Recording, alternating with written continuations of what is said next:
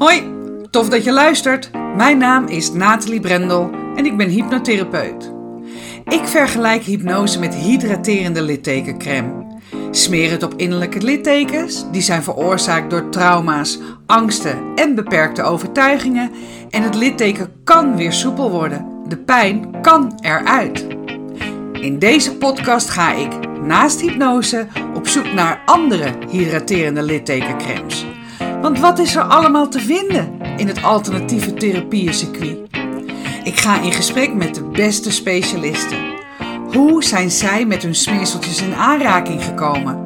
Wat was het moment dat ze dachten: dit is te gek, hier ga ik in verder? En wat doet het precies? En ik spreek ervaringsdeskundigen. Waarom zijn ze juist deze therapievorm gaan volgen? En wat heeft het ze opgeleverd? Kortom, de verhalen achter de kremmetjes. Welkom bij Smeren met Brendel.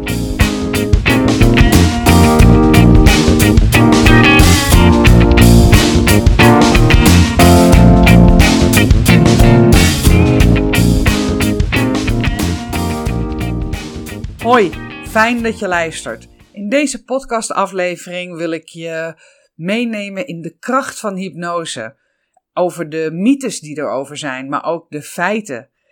Want ja, als je denkt aan hypnose, een van de eerste dingen die dan bij je opkomt is wellicht Rasti Rostelli. Rasti Rostelli was een hypnotherapeut, of een hypno, nou hij was niet eens therapeut, maar een uh, hypnotiseur die op het podium mensen in hypnose bracht en ze vervolgens liet tokken als een kip of een citroen liet eten, terwijl ze dachten dat ze in een zoete aardbei aan het happen waren. En dat is het beeld wat heel veel mensen hebben over hypnose.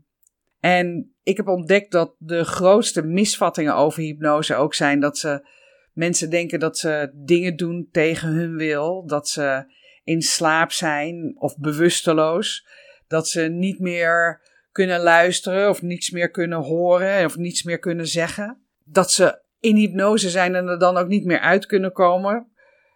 Kortom, mensen hebben het, veel mensen hebben het idee, ik wil niet iedereen uh, over één kam scheren, dat je met hypnose eigenlijk alle controle uit handen geeft. En niets is minder waar. Want hypnose is een techniek.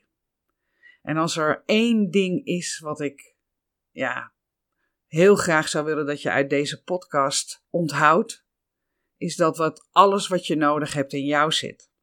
En dat hypnose als techniek je daar waanzinnig bij kan helpen. Hypnose is al zo oud als de weg naar Rome. Vanuit de Griekse oudheid wordt hypnose al beoefend en hypnose is ook het woord slaap maar je slaapt niet. Dat heb ik net al verteld. Je bent in een trance-staat. En die trance-staat is eigenlijk een staat die je dagelijks doorgaat. Het is de theta-staat en het zit tussen waken en slapen in. Dus iedere avond als jij naar bed gaat, en dan misschien voel je dat wel eens dat je in slaap valt, dat je denkt, oh, daar ga ik, dan kom je in die theta-staat. Maar ook ochtends als je wakker wordt, ga je door die theta-staat heen naar je wakkere staat. En wellicht heb je ook wel eens dat je ergens rijdt uh, met de auto of in het openbaar vervoer. En dat je ineens realiseert van hé, hey, ik ben er al, hier is mijn afslag al of ik moet er hier al uit. Je was er niet helemaal bij. Je was met je gedachten ergens anders. Maar je hebt geen ongeluk veroorzaakt. Je bent niet door rood gereden. Je hebt rechts gewoon voorrang gegeven. Maar toch was je mind ergens anders. En dat is ook die theta-staat. Die theta-staat die je creativiteit enorm opent. Um, kinderen tussen de 0 en 7 jaar, leuk weet je, die zijn altijd in die theta-staat. Omdat hun brein nog volledig open staat en ze echt alles absorberen wat ze vanuit de buitenwereld binnenkrijgen. Dus hypnose is een techniek. En je creëert een trance-staat, dus die theta-staat, waardoor je je dus ook ontspannen kunt focussen op één onderwerp. Want 95% van alles wat je doet, doe je onbewust.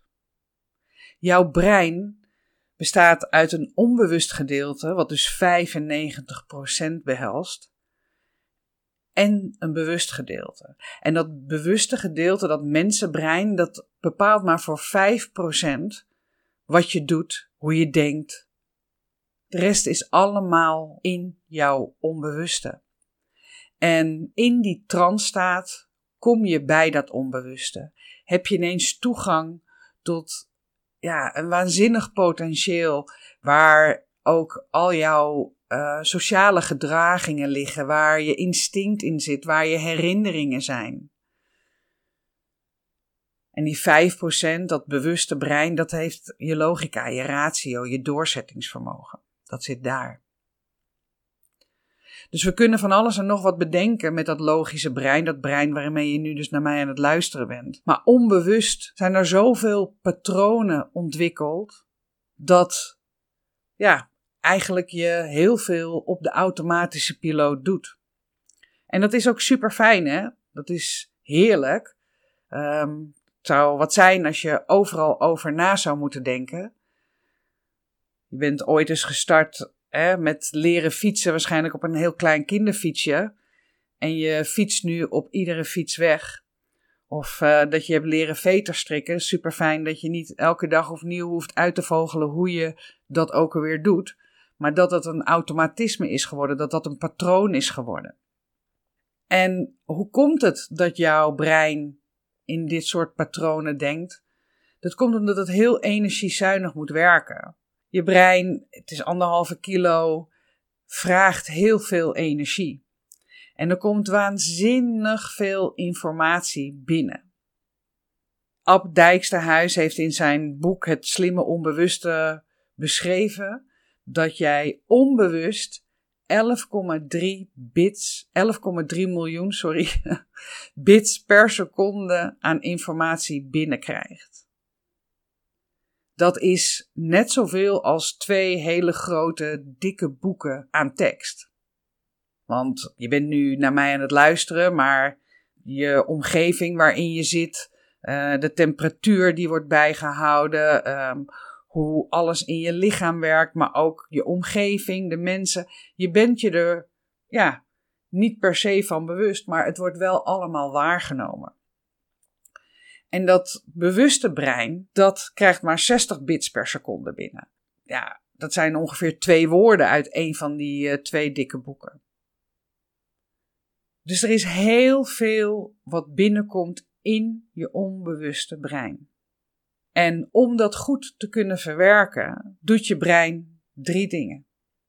Het generaliseert. Dus je hebt bijvoorbeeld op dat kleine fietsje leren fietsen en je fietst nu op iedere fiets weg. Het laat weg, dus het filtert. Dus wat jij zeg maar niet nu belangrijk vindt, dat laat je dus ook gewoon weg. Stel je maar voor, uh, je staat op een feestje en er zijn allemaal mensen om je heen en jij staat in een groepje te praten. En allemaal mensen om je heen staan ook allemaal te praten, maar jij kan je focussen op dat groepje waarmee jij staat te praten. Dat wil niet zeggen dat alles wat er in die omgeving gebeurt, dat dat niet bij je binnenkomt. Dat is zeker wel zo, want je hebt waarschijnlijk ook wel eens gehad dat ineens hoor je dan misschien je naam. En dan wordt het doorgegeven aan je bewustzijn van hé, hey, ik hoor mijn naam. Dus het is er allemaal wel, alleen je krijgt het niet bewust door. En het derde wat je brein doet is het automatisch invullen. Als dit, dan dat. En die energiebesparing zorgt ervoor dat je brein dus ook allemaal vaste patronen heeft. En die patronen die kunnen je heel erg dienen, zoals het veten strikken, zoals het op een fiets rijden, maar er zijn waarschijnlijk ook patronen die je hebt ontwikkeld die je niet meer dienen. Dingen die je over jezelf bent gaan geloven. Dat andere mensen dat vroeger tegen je gezegd hebben en je dat voor jezelf heel vaak herhaald hebt. Belemmerende overtuigingen. Allemaal patronen. En die patronen, die zijn ingesleten. Dat is gedrag geworden. Daar ben je je naar gaan gedragen. En omdat je je daar dus naar gedraagt, merk je ook dat je wel met je bewustzijn, hè, waar je doorzettingsvermogen zit en je logica en je ratio, dat je het anders zou willen. Maar dat je, zonder dat je het je eigenlijk bewust bent, je zo weer terugvalt in oud gedrag. Ik had dat bijvoorbeeld zelf met, ehm, met afvallen. Dat, nou, ik heb, ik weet niet hoeveel diëten gevolgd uh, in mijn leven. Maar ik dronk ook elke dag wijn, omdat ik vond dat ik dat verdiend had. Aan het eind van de dag. Dat was mijn beloning. En dan kon ik op maandag op dieet zijn. En dan op dinsdag gewoon een wijntje inschenken om vijf uur, om opdrinken. En dan pas daarna me realiseren van, hé, hey, dat zou ik toch helemaal niet meer doen. Want ik ben op dieet. Maar onbewust waren daar ja, die patronen die zo ingesleten waren, waardoor ik gewoon weer dat glas wijn pakte, opdronk zonder nadenken. En het mooie van hypnose is, is dat als je in die trance-staat gaat, in die theta-staat gaat, dat je dat bewustzijn dus even uitzet, even op pauze zeg ik altijd. En dat als daar hypnotische suggesties worden gegeven door de hypnotherapeut, door mij in dit geval, en jij neemt die aan, dat er nieuwe neurale verbindingen in je brein worden gemaakt. En hoe dat gebeurt, dat weten ze nog niet. Ik bedoel, er is nog zoveel te ontdekken over het brein. Maar dat het gebeurt, dat is wel duidelijk. En op het moment dat jouw brein het aanneemt, dan is het gewoon zo. Je brein maakt namelijk geen verschil tussen werkelijkheid en fictie. Denk maar na aan vroeger. Hè? Er is je verteld dat Sinterklaas bestond en dat was gewoon zo. Maar ook als je kijkt naar een film, dat weet je dat je naar acteurs zit te kijken op een scherm die een script voorlezen met camera's erop, maar zo, ja, toch kan je jezelf helemaal verliezen in die film. Dan kan je daar emoties en gevoel bij hebben. hetzelfde geldt voor als ik nu aan je vraag om je ogen even te sluiten en terug te denken aan je laatste vakantie. Niet je ogen sluiten als je in de auto aan het luisteren bent trouwens. maar dan ben je gewoon weer daar. Dan zie je wat je ziet, dan hoor je wat je hoort en dan voel je ook gewoon weer wat je voelt. Voor je brein maakt het niet uit. Je brein maakt geen verschil tussen werkelijkheid en fictie. Dus op het moment dat er suggesties worden gegeven in hypnose en je brein neemt die aan, dan is het voor je brein dus ook gewoon zo. En ik heb dat vaak genoeg gedaan, bijvoorbeeld bij eh, de virtuele maagband. Hè, dat in hypnose ik een maagband bij mijn cliënt aanlegde en ik heb dat zelf ook gehad. En mijn brein ja, reageerde daar op die manier dus ook op. En ik kon dus ook gewoon minder eten en kleinere porties. Want op dat moment dat je brein die suggestie aanneemt, dan worden er nieuwe neurale verbindingen gemaakt in je brein. Dan wordt er een nieuw patroon geïnstalleerd. En als je dat nieuwe patroon maar vaak genoeg herhaalt, net zoals met fietsen, net zoals met veterstrikken, dan wordt dat ja, jouw patroon. Het is alsof het een soort ja, nieuwe software is die je, insta sorry, die je installeert. En eigenlijk ook het oude programma overschrijft. En dat is mooi met afvallen met de maagband of stoppen met roken. Maar het is ook zo ongelooflijk helend als het gaat om angsten, als het gaat om trauma's, als het gaat om fobieën. Ook daarin kan je in hypnose nieuwe suggesties aannemen, waardoor er daadwerkelijk een verandering plaatsvindt in je brein. Dat er nieuwe verbindingen worden gemaakt in je brein. Als jij bijvoorbeeld, nou, ik noem maar een voorbeeld. Je bent uh, als kind gepest en daar heb je beelden bij, emoties bij, gevoelens bij. En je gaat in hypnose terug naar het moment dat dat ontstaan is, dat gevoel. En je verandert het door suggesties die je krijgt en die je jezelf geeft. Dan verandert er dus ook letterlijk iets in je hersenen, waardoor je eigenlijk de emotie loskoppelt van de gebeurtenis. En dat is zo krachtig. Ik heb dus echt mensen bij mij naar binnen zien komen die een enorme ja, gevoel en emotie hadden over iets wat gebeurd was in het verleden, of een bepaald beeld wat ze van zich hadden, zelf hadden, of een angst voor, uh, nou, voor honden of voor hoogtes. Hoogtevrees is ook zoiets. En vervolgens na anderhalf uur naar buiten liepen. En gewoon met mij een uitkijktoren opliepen. En het gevoel niet meer hadden. En dat is zo krachtig. En dat is ook de reden waarom ik het doe. Omdat ik die heling gun aan anderen. Die heling ook vooral gun aan mezelf. Ik heb zelf ook genoeg dingen op te lossen. En het mooie is dat je mensen dus op deze manier echt kan helpen. En dat zijn de feiten. De feiten zijn ook bijvoorbeeld dat al in 70 ziekenhuizen in Nederland hypnose wordt toegepast. Voor ja, onverklaarbare, niet lichamelijk verklaarbare pijnen, die mensen en ook kinderen vooral voelen. Um, hypnose kan je helpen je zelfvertrouwen te verhogen. Door je zelfbeeld in hypnose te veranderen. Door anders te kijken, waardoor je je anders gaat voelen. En nou ja, goed, dat gun ik gewoon iedereen. Dat is zo waanzinnig magisch. Dus ik hoop dat deze podcast bijdraagt aan jouw kennis over hypnose. En dat natuurlijk steeds hypnose en tok als een kip en een citroen eten. Ook dat is hypnose. En Rasti Rostelli is supergoed in het hypnotiseren.